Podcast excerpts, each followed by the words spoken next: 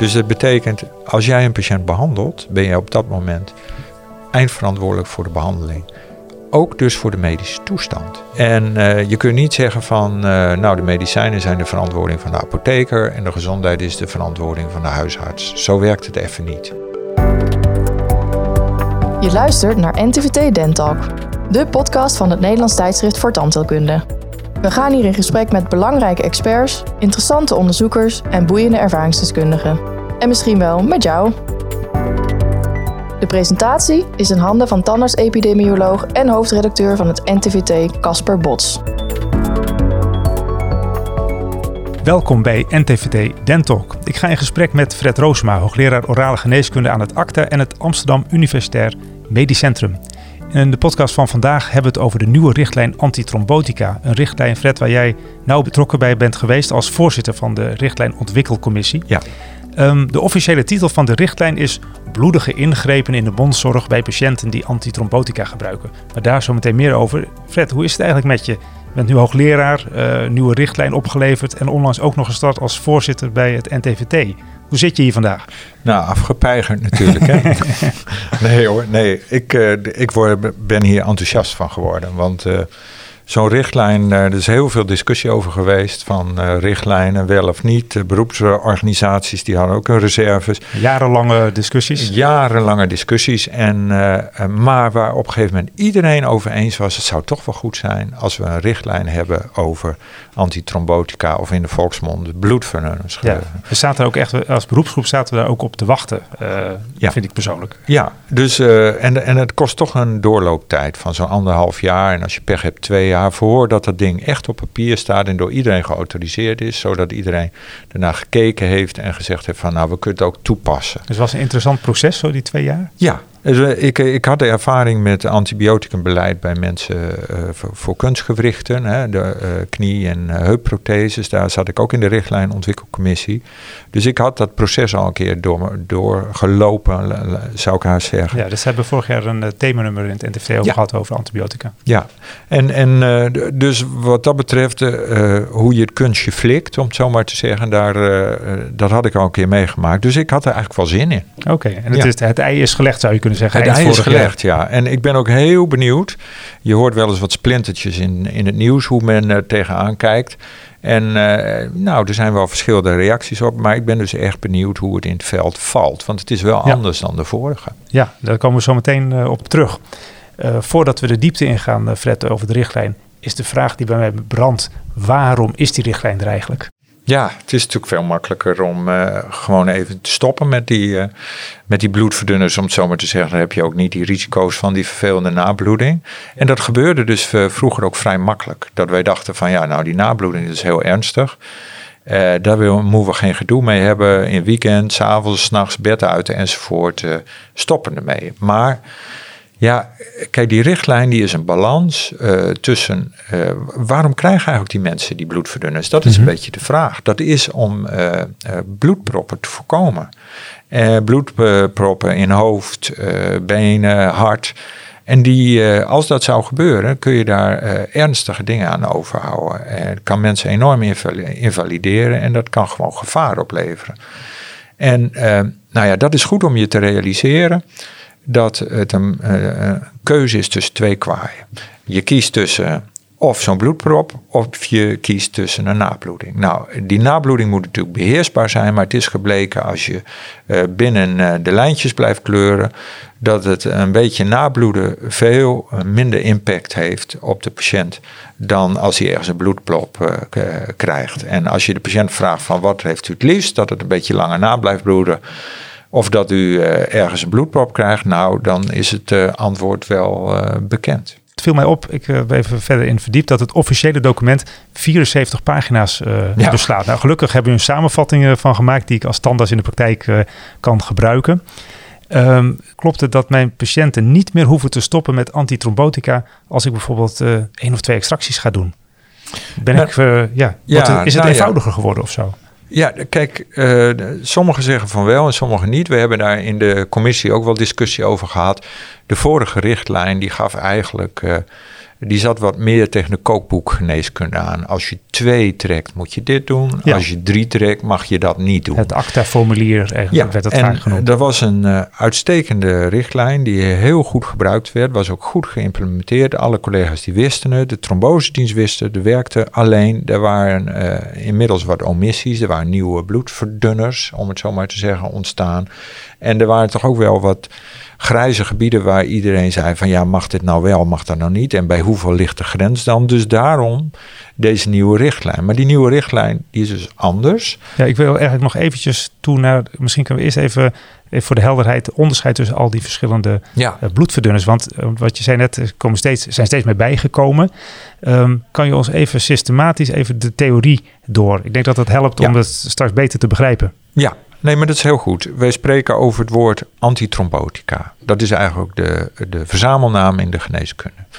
Dat, zijn, uh, dat kunnen we zeg maar in de volkswond uh, bloedverdunners uh, noemen. Als de tandarts zegt gebruikt u ook bloedverdunners, dan weet de patiënt direct wat hij bedoelt. Dat omvat eigenlijk alle, alles wat met bloedstolling ja. te maken heeft. En in die antitrombotica, daar onderscheid je eigenlijk twee hoofdgroepen. En die zijn gebaseerd op het principe van de werking. En de werking is dat er middelen zijn die in de stollingskascade werken. En die dus zeg maar beïnvloeden of de fibrinedraden, hè, die belangrijk voor de wondgenezing zijn, ontstaan of niet, of later of minder ontstaan. En je hebt middelen die werken op de trombocyten, de bloedplaatjes, die de wondprop zeg maar veroorzaken. Ja, dus je hebt of in, in de cascade of in het maken van de, van de trombocyten. Ja.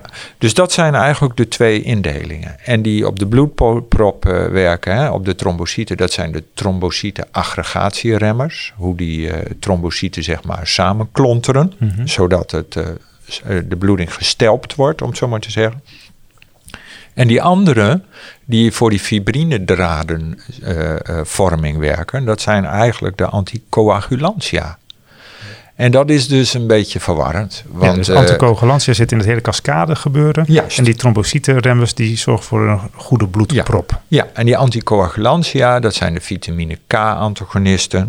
Dat zijn de, de, de coumarines, hè, de, de, zoals we kennen de Sintrom en de Marcumar hè, als merknamen. Mm -hmm. En uh, uh, dan heb je verder binnen die anticoagulantia ook nog de nieuwe ontstollingsmiddel. Dat noemden we heel lang nieuwe orale anticoagulantia. En dat heet nu directe anti-orale oh, dus die naam is ook nog gewijzigd. Ja, die is in de, in, in de afgelopen DOAX. twee... Ja, heet nu DOAX. Okay. Hè, en, en, dat zijn nieuwe middelen. En uh, dan hebben we nog middelen die gebruikt worden in speciale situaties, niet vaak. En dat zijn de laagmolecuulgewicht uh, heparines. En waar hebben we als standaards uh, nou het meest mee te maken? Nou, eigenlijk wel met allemaal. Alleen je ziet wel een tendens dat men steeds meer naar die DOAX toe gaat. Oké, dus die anticoagulantia die met de fibrine uh, te maken hebben. Ja, ja. En, en, ik bedoel, als je het over die groep hebt van anticoagulantia, dan zie je de tendens dat de VKA's in uh, aantallen afnemen en dat we naar de DOAX gaan. En die TARS, hè, de trombocyte-aggregatieremmers. Ja, dat is voor de bloedprop? Voor de bloedprop, die, uh, die zullen wel onverkort gebruikt blijven. Dus Zijn dat eigenlijk de ouderwetse aspirine? Ja, dat klopt. Okay. Die, die hebben dat uh, effect. En die, daar is nog steeds heel veel indicatie voor. Dus je krijgt eigenlijk de tendens wordt DOAX en TARS eigenlijk. Daar, daar lijkt het een beetje op. Oké, dus samengevat hoofdgroep antitrombotica, antistolling. Ja. Dan heb je aan de ene kant de fibrines, uh, die iets in fibrine doet. Dat zijn die anticoagulantia, zoals de vitamine K-antagonisten en de DOAX. En aan de andere kant, iets rondom de bloedprop, is uh, acetylsalicylzuur trombocyte-aggregatieremmers. Zo is dat. Oké. Okay. Ja. ja. En zou je uh, ons kunnen uitleggen hoe nou precies die, die tabel is opgebouwd, uh, die hier in die samenvatting staat, hoe je om moet gaan met bloedverdunners en ingrepen? Ja, nou ja, kijk, we zijn daar heel schematisch. We hebben ten eerste omschreven van welke behandeling hebben we het over. En in de tekst staan er nog wat toelichtingen op. Maar dit is zijn eerste grote lijn. En daarnaast... En wat voor behandeling moet ik me dan voorstellen? Nou, dan bijvoorbeeld de extractie van gebitselementen, uh, parodontale ingrepen, in plaatsen van implantaten, uh, abscesincisie. Daar hebben we allemaal die dingen die veel voorkomen en veel door de tandartsen in de algemene praktijk gedaan worden. Die hebben we proberen te beschrijven. Dus dat zijn de, de, in grote lijnen de, de ingrepen. En daarnaast hebben we gezegd van hoe kunnen we nu die, die, die bloedverdunners, waar kunnen we die nou kunnen we die indelen in categorieën? Nou, en dat kan eigenlijk heel goed. Mhm. Want uh, het betekent eigenlijk dat de indeling heeft als consequentie dat je bij uh, de, de, de TARS, de trombocyteaggregatieremmers, de DOACs en de heparines, hoef je eigenlijk niet te staken. Dat is makkelijk. Tenzij, en dat zal ik straks oh. even uitleggen. En bij de VK, de vitamine K-antagonisten, daar heb je rekening te houden met de INR. Die moet beneden de 3,5 zijn. Eigenlijk zoals het al was met... Uh, ja, en dat is eigenlijk een beetje zoals in de oude richtlijn. En uh, daarnaast heb je nog wat in de uh, huidige situatie steeds meer voorkomt, is dat er combinaties van verschillende bloedverdunners gebruikt gaan worden. En dat kunnen uh, twee zijn, maar het kan ook al drie zijn. Je hebt ook al triple therapy. Oké, dus eigenlijk zijn er drie hoofdgroepen, wat ja, je zegt? en die laatste, hoofd, die laatste groep van combinaties moet je dus eigenlijk altijd overleggen. Oké, dus die, die dus even samenvatten. Dus die, je hebt allerlei verschillende ingrepen. Dan heb je eigenlijk drie groepen. De ene groep is de, de TARS, de DOAX en de heparines. De andere groep is de vitamine K-antagonisten. En de, de, laatste groep is de combinatie van deze verschillende middelen. Zo is dat. Oké. En de eerste groep kan je dus gewoon aan het werk, om het zo maar te zeggen. De tweede groep moet je naar de INR kleiner dan 3,5 kijken. En de derde groep moet je overleggen. Dat is in grote lijn wat een nieuwe richtlijn is. Oké.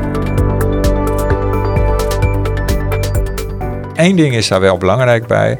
Dat uh, als ik zeg van dan kan je aan het werk. Er zijn natuurlijk dingen daar waar je wel uh, rekening mee moet houden. En dat is wel nieuw in deze richtlijn. We hebben gezegd van je klinische blik en je klinische ervaring is daar belangrijk bij. En uh, waarom zeggen we dat dan? Nou, er kunnen in een situatie, zoals wij dat noemen, bloedingsrisico verhogende factoren zijn. Dus als jij dus naast de medicatiegebruik, naast de antistolling. Juist. Dus je gebruikt een, uh, een, een, bloedverdunner, zeg maar, maar daarnaast heb je bijvoorbeeld dat je gegeneraliseerde parodontitis hebt, waar als je ernaar kijkt al ongeveer een bloeding ziet. Je hoeft toch maar aan te wijzen en het gaat al. Uh, precies. En ja. dat, dat noemen we dan een, een, een groot geïnfecteerd wondgebied. Of uh, dat je ziet dat als je iets moet doen, dat je waarschijnlijk heel veel moeite hebt om de uh, wond primair te kunnen sluiten. Dus dat er altijd uh, ruimte blijft en dat je het niet potdicht kan maken. Nou, als je een combinatie van die factoren hebt en gelet ook op je klinische ervaring, dan moet je in een aantal gevallen zeggen van nou, uh, deze, bij deze bloedverdunner hoef ik misschien niet te stoppen. Maar vanwege deze factoren ga ik bijvoorbeeld wel de behandeling faseren of uitstellen. Of toch overleggen afhankelijk van de situatie wat je inschat over de klinische omstandigheden. En dat geldt eigenlijk voor al die categorieën van bloedverdunners? Ja.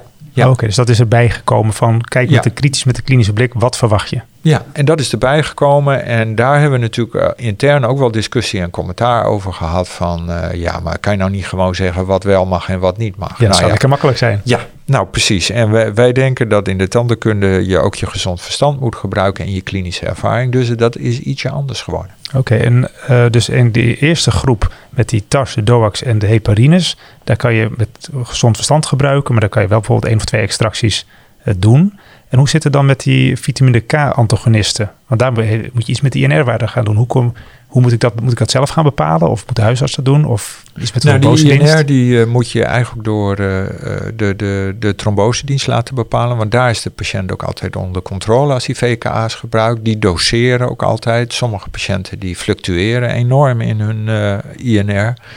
En dat weten de patiënten ook vaak zelf. Hè. Als je zegt van uh, hoe is het met uw INR, dan weten ze vaak het getal. En als je dan vraagt maar... En dat, dat, getal, Fred, dat stond voor uh, hoe lang je gaat bloeden. Hoe zit het ook weer met de INR? Ja, nou de INR dat is, de, is dus als je boven die 3,5 bent, er is veel onderzoek gedaan, dan, dan verwacht men dan uh, dat je echt een verlengde nabloeding krijgt. Ja, dus ook, dan ga je 3,5 keer langer bloeden dan als je geen probleem hebt, zoiets. Ongeveer, ja. Okay. En, en dat, dat kan je wel een beetje zo zeggen. En hoe lang van tevoren moet je dat dan laten bepalen? Dat was iets van 72 uur of is dat ook veranderd? Ja, dat is veranderd omdat wij denken dat mensen die heel erg kunnen fluctueren, dat dat toch niet terecht is dat je zo'n lange periode daartussen laat. Omdat in die periode van 72 uur die INR misschien kan veranderen. Dus we hebben dat teruggebracht naar de 24 uur. Oké, okay, en dan moet ik dan afstemmen met de trombosedienst? Ja, dus van tevoren tegen de patiënt zeggen we gaan een kies trekken. ik geef u een briefje mee. Wilt u contact opnemen met de trombosedienst? U, en dan schrijf ik erop graag de INR. ja, niet groter dan 3,5. Maar ik had ook begrepen dat er steeds minder trombosediensten zijn. Maar dat er ook wel een soort trombose-expertise centra worden er genoemd. Wat, wat is dat dan? Wat is het verschil? Nou, dat klopt. Uh, kijk, dat komt voort uit dat de vitamine K-antagonisten steeds minder gebruikt gaan worden. Uh, dat heeft twee effecten. Er zijn dus minder tromboseartsen en trombosediensten nodig. En die VKA's die worden vaak vervangen door die nieuwe DOAC's. En uh, dat betekent dat je nog steeds wel kennis over de bloedstolling moet hebben en over doseren. Maar dat ligt dus niet meer alleen bij de trombosedienst. En daarvoor hebben we in Nederland een nieuw instituut opgericht, of in elk geval regionaal is dat geregeld. Dat de meeste grote ziekenhuizen hebben een zogenaamde 24 uur trombose expertisedienst. Dus dat klinkt mooi. Ja, precies. En dus kan dag en nacht bellen, 24-7. Dat is het precies. Die kan je dus uh, ook als standaard gaan bellen en uh, ook in acute situaties. En kun je uitleggen wat de situatie is, wat je gaat doen. Wat je verwacht normaal uh, bij die behandeling in een normale situatie. Maar gelet op de bloedverdunners wat zij adviseren. Oké. En als we nu ja, deze de richtlijn in de praktijk moeten gaan brengen. Stel dat we volgende week dat ik een uh, patiënt krijg um, waarbij ik uh, met, met kiespijn rechtsboven de 1.6, die, die moet eruit. En um, hij gebruikt bijvoorbeeld een, een DOAC. Dan pak ik dus mijn samenvatting van de richtlijn die ik heb uitgeprint. Die ligt in de la. Ja. Daar, staat, daar zie ik dus de verschillende antitrombotica staan. Ik zie ook hier, ik heb die richtlijn hier voor me, zie ik een tabel. Wat, wat moet ik doen? Kan je me er doorheen leiden door die tabel? Nou ja, je, je kijkt eerst tot welke categorie uh, behoort het middel wat de patiënt gebruikt. Ja, dus dat zijn een DOAC, heb je een merknaam daarvan? Ja, Iets? Nou ja, kijk, uh, dat staat in de grote lichtlijn. Dat is een tabel die we bijgevoegd hebben van de middelen die op het ogenblik op de markt verkrijgbaar zijn. In de generische naam en in de merknaam. En dat wisselt natuurlijk nog wel eens. Ja, het, daar zit wel wat verschil, wat ontwikkeling in. Dus als hij vandaag geldt, kan hij misschien volgend jaar niet meer helemaal kloppen. Ja. Maar het betekent dat als als jij een medicijnlijst ingevuld krijgt door je patiënt en je hebt zelf uh, als onderlegger die tabel van al die bloedverdunners die er op de Nederlandse markt bestaan, ja. dan kan je heel snel met je vinger er langs gaan en zeggen: Oh, dat is bloedverdunner, dat wist ik niet, maar die, die weet je dan. Ja. En uh, dan weet je ook in welke categorie je hoort. En je kijkt dus gewoon. Dan kom je eigenlijk in de gezond verstand categorie, zou je kunnen zeggen. Ja. Maar, en dan komt een paar weken later komt die patiënt uh, weer terug. Ik vraag naar mesanamnese. Blijkt dat er nog, uh, dat hij nog een ander preparaat erbij heeft gekregen, ook in de antistolling. Hij heeft dan twee verschillende. Ja. hoe gaat het dan? Nou, dan kom je in de categorie combinaties van bloedverdunners. Hè? Dus twee verschillende soorten bloedverdunners. En dan hebben wij aanbevolen om te overleggen met de trombosedienst, als de VK zijn, of bij de trombose-expertisedienst. In beide gevallen uh, kunnen ze je dan verder helpen. Oké, dat is nou, dat klinkt als goed geregeld. Uh, ja. ja. Um, even kijken, wat ik me ook wel altijd heb afgevraagd is, uh, waar ligt nou de verantwoordelijkheid? Ik ben natuurlijk als standaard verantwoordelijk voor goede zorg te verlenen. Maar als ik naar de trombosedienst bel en die zegt van ja, de patiënt moet eigenlijk even een dag stoppen of iets dergelijks, of juist doorgaan. Um, uh, en stel de patiënt krijgt wel uh, een, een herseninfarct of iets dergelijks. Wat, ja, waar, hoe zit dat met die verantwoordelijkheid? Hoe kan ik dat zo zorgvuldig en goed mogelijk doen? Nou ja, kijk, uh, dat is heel belangrijk en daar zijn we in, in onze professie niet zo goed aan gewend. Je moet goed in je medisch dossier of in je tandenkundig dossier, moet je goed noteren wat je bevindingen zijn en wat je afgesproken hebt en wat je overlegd hebt. Dus dat betekent, als jij een patiënt behandelt, ben je op dat moment eindverantwoordelijk voor de behandeling. Ook dus voor de medische toestand. En uh, je kunt niet zeggen van, uh, nou de medicijnen zijn de verantwoording van de apotheker en de gezondheid is de verantwoording van de huisarts. Zo werkt het even niet. Nee. Dan kom je in de probleem. Dus dat betekent als jij heel zorgvuldig uh, overlegd hebt over het gebruik van bloedverdunners met de trombose-expertisedienst of trombosedienst, of met de huisarts, ja. dan, uh, dan schrijf je waarom je overlegd hebt. En dan schrijf je in de status, ik heb met uh, Pietje Puk overlegd, ziekenhuis dat en dat, of huisarts. En die heeft het volgende gezegd. Als je dat netjes in je status hebt staan, in je dossier, en uh, er, er, komt een lelijke nabloeding en iemand spreekt jou daarop aan, juridisch, mm -hmm. dan, heb, dan heb jij, kun je aannemelijk maken dat je zorgvuldig gehandeld hebt. En dan is in de meeste gevallen niet te verwachten dat je daar strafwerk voor krijgt. Oké, dus, dus, dus, de richtlijn volgen en goed dossier bijhouden zoals eigenlijk altijd nodig is. Wat me ook nog aan het eind van de richtlijn opviel, aanbevelingen over het hechten en spoelen met tranexaminezuur. Ja. Ehm, hier staat geschreven, hechten een ingreep wordt in alle gevallen aanbevolen. Nu vind ik echt altijd wel leuk om, om te doen. Maar zeker dus met mensen met de bloedstolling, dus problemen, is het van belang om altijd dat, dat te doen. en die tranexamine zuur, is het aan te raden om daar mee te gaan walsend te spoelen. Dus het wordt aangeraden, het hoeft dus niet. Jawel, nee, kijk, de, als de richtlijn het aanraadt, dan uh, kun je dus zeggen van, uh, ik wijk daar vanaf, maar dan moet je daar gemotiveerd van afwijken. Dat is een beetje het principe van een dus, richtlijn. Dus je moet eigenlijk een standaard recept ja. uh, hebben liggen en de patiënt dat meegeven. En hoeveel dagen moeten ze dat doen? Nou, dan moeten ze zo'n uh, twee tot vijf dagen gebruiken, zolang het nog bloedt, zeg maar. Ja. Maar jij zegt nog even dat hechten, dat vind je altijd wel leuk. Ja. En er zijn een heleboel tandartsen die dat niet leuk vinden. Oh, oké. Nee, maar uh, kijk, uh, wij gaan van het principe uit dat in de chirurgische basisvakken wordt je geleerd dat als je een wond maakt, hecht je hem. Dat is, ja. En je gaat een gentle tissue handling doen. Je gaat dus niet onnodig weefsel beschadigen. Hoort er allemaal bij. Waarom hecht je die wond? Ten eerste om de bloedstolling uh, of de bloeding te stelpen, om het zo maar te zeggen. En ten tweede ook om zo weinig mogelijk littekenformatie te krijgen. Nou weet ik dat in de tandenkunde heel vaak gezegd wordt, ik hecht nooit en dat gaat altijd ja, goed. Zijn collega's die dat niet doen. Nee, klopt. En het geneest goed. Dat is ook vaak zo, gelukkig. de mond geneest mooi, dat klopt dus wel. Maar in dit geval, waar je dus weet dat er bloedverdunners gebruikt worden, vinden wij dat je dat gewoon good clinical practice is dat je gewoon standaard hecht. Ja, dus gewoon doen. Ja. Oké. En die tranexamine uh, mondspoeling, dat is bedoeld om het stolsel te helpen. Welke bloedverdunner je ook gebruikt, het helpt het vormen van het stelsel en het stolsel in situ te laten. Dus het doet de bloedingstijd afnemen. Bij alle bloedverdunners, we hebben alleen gezegd als mensen alleen een TAR gebruiken, een trombocyte aggregatierem, dan is het niet nodig gebleken. Moet ook niet. Maak je het alleen maar onnodig duur en ja, onnodig staat ook wel duidelijk inderdaad in de richtlijn uh, ja. vermeld. Um, dus eigenlijk soort samengevat is het dus van belang om de, de samenvatting van de richtlijn uh, te downloaden van, uh, van kimo.nl. Ja, zou ik wel doen, ja. En er was ook die, uh, natuurlijk ook het hele, uh, een, er zit ook een document waarbij de medicatie, de stofnaam Ja, die uh, staat, in de grote richtlijn. Dus die ook even uitprinten? Die bladzijde zou ik ook even uitprinten. Oké, ja. en dan kunnen we ermee mee aan de slag. Ik ervaar zelf deze richtlijn zoals die hier nu voor ligt en nu ik het zo duidelijk uit heb gelegd, gekregen, als heel waardevol en ook toepasbaar in de praktijk. Het is eigenlijk dus eenvoudiger geworden wel gezond verstand gebruiken en gewoon de richtlijn volgen. En als je, ik denk als je er een paar maanden niet mee hebt gewerkt, dan weet je eigenlijk niet meer anders. Nee, klopt. klopt. Fred, ontzettend bedankt. Heel graag gedaan. Dit was NTVT Dentalk, de podcast van het Nederlands tijdschrift voor tandheelkunde. Heb je tips of leuke vragen voor ons? Laat het ons weten via redactie.ntvt.nl. Bedankt voor het luisteren en graag tot de volgende keer.